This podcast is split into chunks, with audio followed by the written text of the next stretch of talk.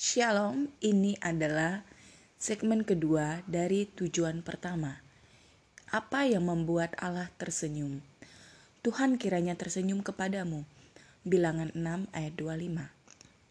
Tersenyumlah padaku, hambamu ajarilah aku cara yang benar untuk hidup. Mazmur 119 ayat 135. Senyuman Allah adalah tujuan hidup kita karena menyenangkan Allah adalah tujuan pertama hidup kita. Maka tugas terpenting kita ialah menemukan bagaimana melakukannya. Alkitab berkata, berusahalah mengenal apa yang menyenangkan hati Kristus dan lakukanlah itu. Untunglah Alkitab memberi kita satu teladan yang jelas tentang sebuah kehidupan yang memberikan kesenangan bagi Allah. Namanya adalah Nuh. Pada zaman Nuh, seluruh dunia telah rusak secara moral setiap orang hidup bagi kesenangan mereka sendiri, bukan kesenangan Allah. Allah tidak bisa menemukan seorang pun di bumi yang tertarik untuk menyenangkan dia. Sehingga Allah berduka cita dan menyesal telah menciptakan manusia. Allah begitu jijik ter terhadap umat manusia sehingga dia berencana untuk memusnahkan manusia. Tapi ada satu manusia yang buat Allah tersenyum. Alkitab berkata, tetapi Nuh sangat menyenangkan hati Tuhan. Allah berkata orang ini mendatangkan kesenangan bagiku. Dia membuatku tersenyum. Aku akan memulai lagi dengan keluarganya. Karena Nuh mendatangkan kesenangan bagi Allah, Anda dan saya hidup saat ini. Dari kehidupannya kita mengetahui lima tindakan penyembahan yang membuat Allah tersenyum.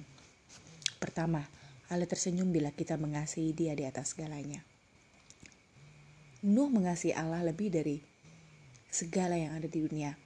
Bahkan ketika tidak seorang pun mengasihi Allah, Alkitab memberitahu kita bahwa sepanjang hidupnya, Nuh senantiasa mengikuti kehendak Allah dan hidup dalam hubungan yang erat dengan dia. Inilah yang paling Allah inginkan dari Anda, suatu hubungan. Inilah kebenaran yang paling menakjubkan di alam semesta, bahwa pencipta kita ingin bersekutu dengan kita. Allah menciptakan Anda untuk mengasihi Anda, dan dia rindu agar Anda balas mengasihi dia. Dia berfirman, aku tidak mengingini kurban-kurbanmu. Aku mengingini kasihmu. Aku tidak mengingini persembahan-persembahanmu. Yang kuingini ialah agar kamu mengenal aku. Bisakah Anda merasakan kasih Allah bagi Anda di dalam ayat ini? Allah benar-benar mengasihi Anda dan sebaliknya. Ia ingin agar Anda mengasihi dia. Dia rindu agar Anda mengenal dia dan menghabiskan waktu bersamanya. Inilah sebabnya belajar untuk mengasihi Allah dan dikasih ini dan dikasih olehnya seharusnya menjadi tujuan terbesar dalam hidup Anda. Tidak ada hal lain yang bisa menandingi pentingnya hal tersebut.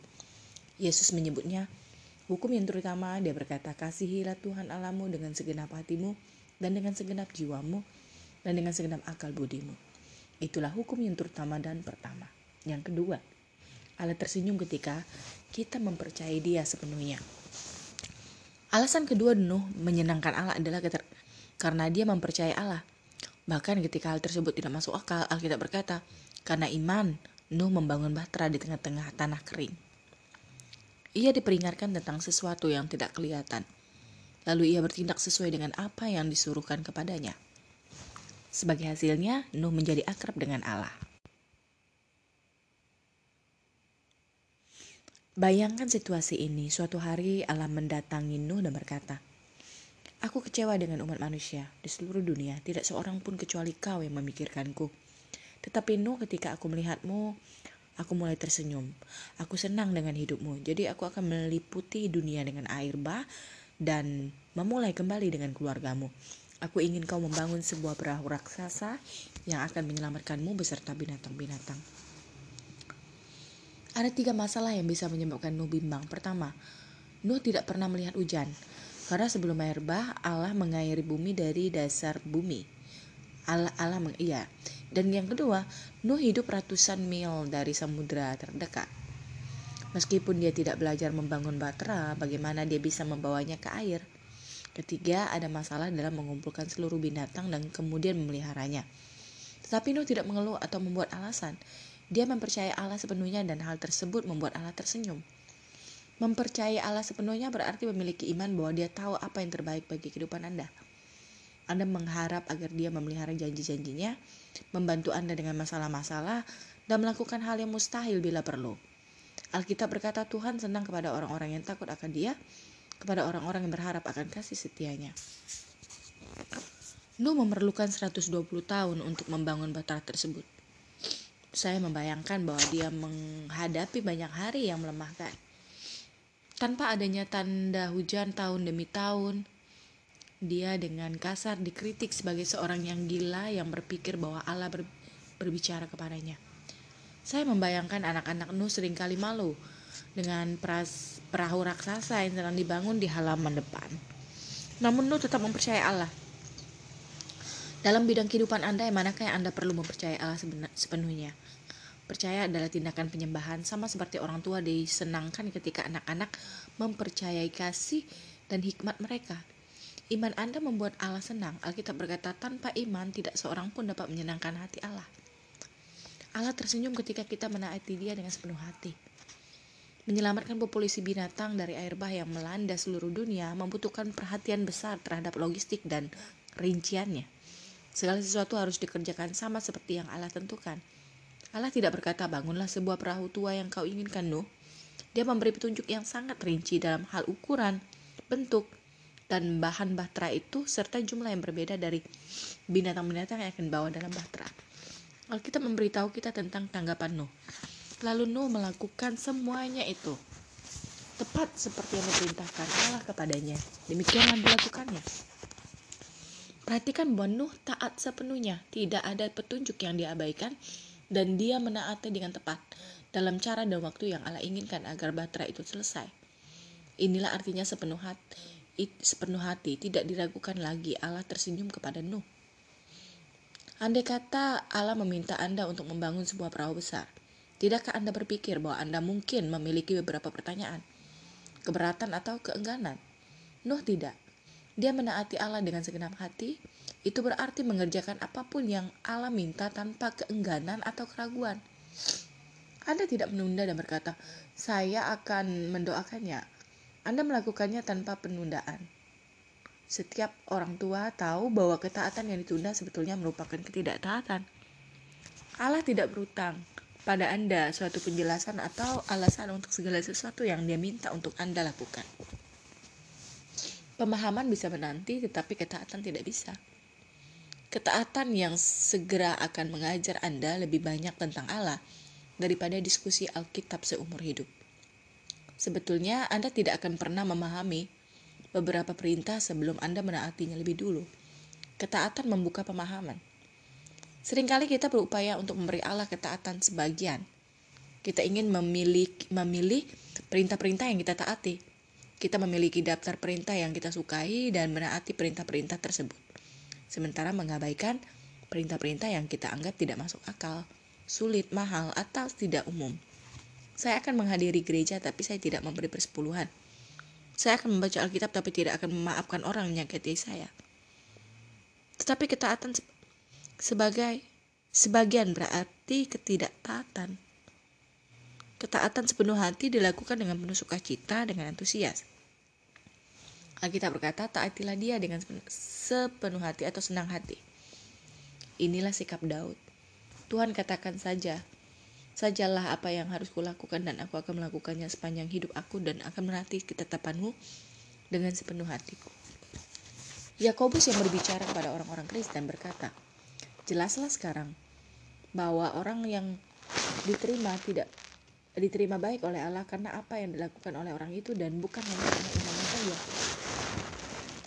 Firman Allah jelas bahwa Anda tidak dapat mengusahakan keselamatan Anda. Keselamatan datang hanya oleh kasih karunia bukan usaha Anda. Tetapi sebagai anak Allah Anda bisa mendatangkan kesenangan pada Bapa Surgawi melalui ketaatan. Setiap tindakan ketaatan merupakan juga tindakan penyembahan. Mengapa ketaatan begitu menyenangkan Allah? Karena itu membuktikan bahwa Anda benar-benar mengasihi dia. Yesus berkata, jikalau kamu mengasihi aku, kamu akan menuruti segala perintahku. Allah tersenyum bila kita memuji dan bersyukur kepadanya terus-menerus. Hampir tidak ada hal yang rasanya lebih baik daripada menerima pujian yang tulus dan penghargaan dari orang lain. Allah juga menyukai pujian. Dia tersenyum ketika kita mengekspresikan kekaguman dan ucapan syukur kita padanya. Kehidupan Nuh membawa kesenangan bagi Allah. Karena dia hidup dengan hati yang penuh pujian dan ucapan syukur. Tindakan pertama, Nuh setelah selamat dari air bah adalah menyatakan syukurnya kepada Allah dengan mempersembahkan kurban Alkitab. Berkata, lalu Nuh mendirikan mesbah bagi Tuhan. Lalu ia mempersembahkan korban bakaran di atas mesbah itu. Karena pengorbanan Yesus, uh, karena pengorbanan Yesus, kita tidak akan memberikan korban-korban binatang seperti yang dilakukan Nuh lagi. Sebaliknya, kita diperintahkan untuk memberikan kepada Allah korban puji-pujian, korban syukur. Kita memuji Allah karena keberadaannya dan kita mengucap syukur atas apa yang telah dia kerjakan. Daud berkata, Aku akan memuji-muji nama Allah dengan nyanyian, mengagungkan dia dengan ucapan syukur.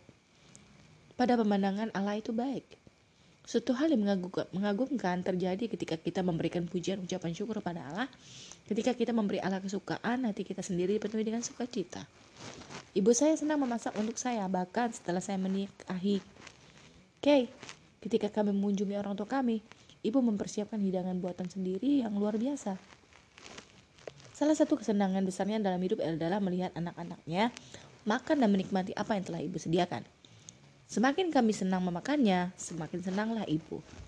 Tetapi kami juga suka menyenangkan ibu dengan menyatakan kesukaan kami akan masakannya. Hal tersebut bermanfaat dalam dua segi. Ketika saya menyantap hidangan yang luar biasa tersebut, dan saya akan menyanjungnya dan memuji ibu saya. Saya bukan hanya bermaksud menikmati makanan tersebut tapi juga menyenangkan ibu saya. Semua orang bahagia. Penyembahan juga bermanfaat dalam dua segi. Kita menikmati apa yang telah Allah lakukan bagi kita dan ketika kita mengekspresikan kenikmatan tersebut kepada Allah, hal ini mendatangkan sukacita baginya. Tetapi juga meningkatkan sukacita kita. Kitab Mazmur berkata, tetapi orang-orang benar bersukacita, mereka pria-ria di hadapan Allah, bergembira dan bersukacita. Allah tersenyum bila kita menggunakan kemampuan kita. Setelah air bah, Allah memberi Nuh tiga petunjuk sederhana. Beranak cuculah dan bertambah banyaklah serta penuhilah bumi. Segala yang bergerak, yang hidup, yang akan menjadi makananmu, aku telah memberikan semuanya itu padamu seperti juga tumbuh-tumbuhan hijau. Allah berkata, tiba saatnya untuk melanjutkan hidupmu. Kerjakanlah hal-hal untuk melakukannya. Aku telah merancang manusia Bercintalah dengan dan dengan pasanganmu, milikilah anak-anak, bentuklah keluarga-keluarga. Tanamlah bahan pangan dan makanan, jadilah manusia. Untuk inilah aku menjadikanmu. Anda mungkin merasa bahwa satu-satunya saat Allah disenangkan oleh Anda adalah ketika Anda sedang melakukan aktivitas-aktivitas rohani seperti membaca Alkitab, menghadiri ibadah, menghadiri ibadah, berdoa, dan membagikan pengalaman iman Anda. Dan Anda mungkin berpikir bahwa Allah tidak peduli dengan bagian-bagian lain dalam hidup Anda. Sebetulnya Allah senang mengamati setiap rincian kehidupan Anda, entah Anda sedang bekerja, bermain, istirahat, atau makan. Dia tidak melewatkan setiap gerakan yang Anda buat. Alkitab memberitahu kita langkah-langkah orang benar dipimpin oleh Tuhan. Dia senang atas setiap rincian hidup kita. Setiap kegiatan manusia kecuali dosa bisa dilakukan bagi kesenangan Allah, jika Anda melakukannya dengan sikap memuji, Anda bisa mencuci piring, perbaiki mesin, menjual barang, membuat program komputer, bahkan yang lain-lainnya. Layak layaknya orang tua yang bangga, Allah terutama senang mengamati Anda menggunakan talenta dan kemampuan yang telah Dia berikan kepada Anda. Allah dengan sengaja memberi kita karunia yang berbeda-beda demi kesenangannya. Dia telah menjadikan beberapa orang bersifat atletis dan yang lain bersifat analitis. Anda mungkin diberi karunia dalam mekanik atau matematika atau musik atau ribuan keterampilan lainnya. Semua kemampuan ini bisa mendatangkan senyuman pada wajah Allah. Alkitab berkata, dia membentuk hati karena kalian sekalian sekarang dia memperhatikan segala pekerjaan mereka. Anda tidak mendatangkan kemuliaan atau kesenangan bagi Allah dengan menyembunyikan kemampuan-kemampuan Anda atau dengan berusaha menjadi orang lain anda hanya mendatangkan kegembiraan baginya dengan cara menjadi diri sendiri. Setiap kali Anda menolak bagian mana pun dari diri Anda, bagian mana pun bagian mana pun dari diri Anda, Anda sedang menolak hikmat dan kedaulatan Allah ketika menciptakan Anda. Allah berfirman, kamu tidak berhak memberbantah dengan penciptamu. Kamu tidak lain dari tanah liat periuk saja. Adakah tanah liat berkata kepada pembentuknya, mengapa kau buat aku seperti ini? Dalam film Chariot of Fire, pelari olimpiade Eric Lindell berkata, Aku yakin Allah menciptakan aku untuk satu tujuan, tetapi dia juga membuatku cepat ketika aku berlari. Aku merasakan kesenangan Allah. Kemudian dia berkata berhenti, berhenti berlari akan berarti menganggap rendah Allah. Tidak ada kemampuan yang tidak rohani. Yang ada hanyalah kemampuan-kemampuan yang salah gunakan. Mulailah gunakan kemampuan-kemampuan Anda bagi kesenangan Allah. Allah juga mendapatkan kesenangan waktu melihat Anda menikmati ciptaannya. Dia memberi Anda mata untuk menikmati keindahan, telinga, menikmati bunyi hidung, untuk lidah, menikmati bau rasa, syaraf-syaraf di bawah kulit Anda, untuk menikmati sentuhan, setiap tindakan kenikmatan menjadi suatu tindakan penyembahan ketika Anda bersyukur kepada Allah untuk itu. Sebenarnya Alkitab berkata Allah yang dalam kekayaannya memberi kepada kita segala sesuatu untuk dinikmati. Allah bahkan senang melihat Anda terlelap. Ketika anak-anak saya masih kecil, saya ingat ada kepuasan dalam ketika mengamati mereka tidur. Kadang-kadang hari Hari itu sudah dipenuhi dengan masalah dan ketidaktaatan. Tapi ketika tidur mereka terlihat puas, puas, aman, dan damai. Saya diingatkan betapa saya mengasihi mereka. Anak-anak saya tidak perlu melakukan apa pun bagi saya agar saya bisa senang karena mereka. Saya bahagia dengan hanya memandang mereka bernafas karena saya begitu mengasihi mereka.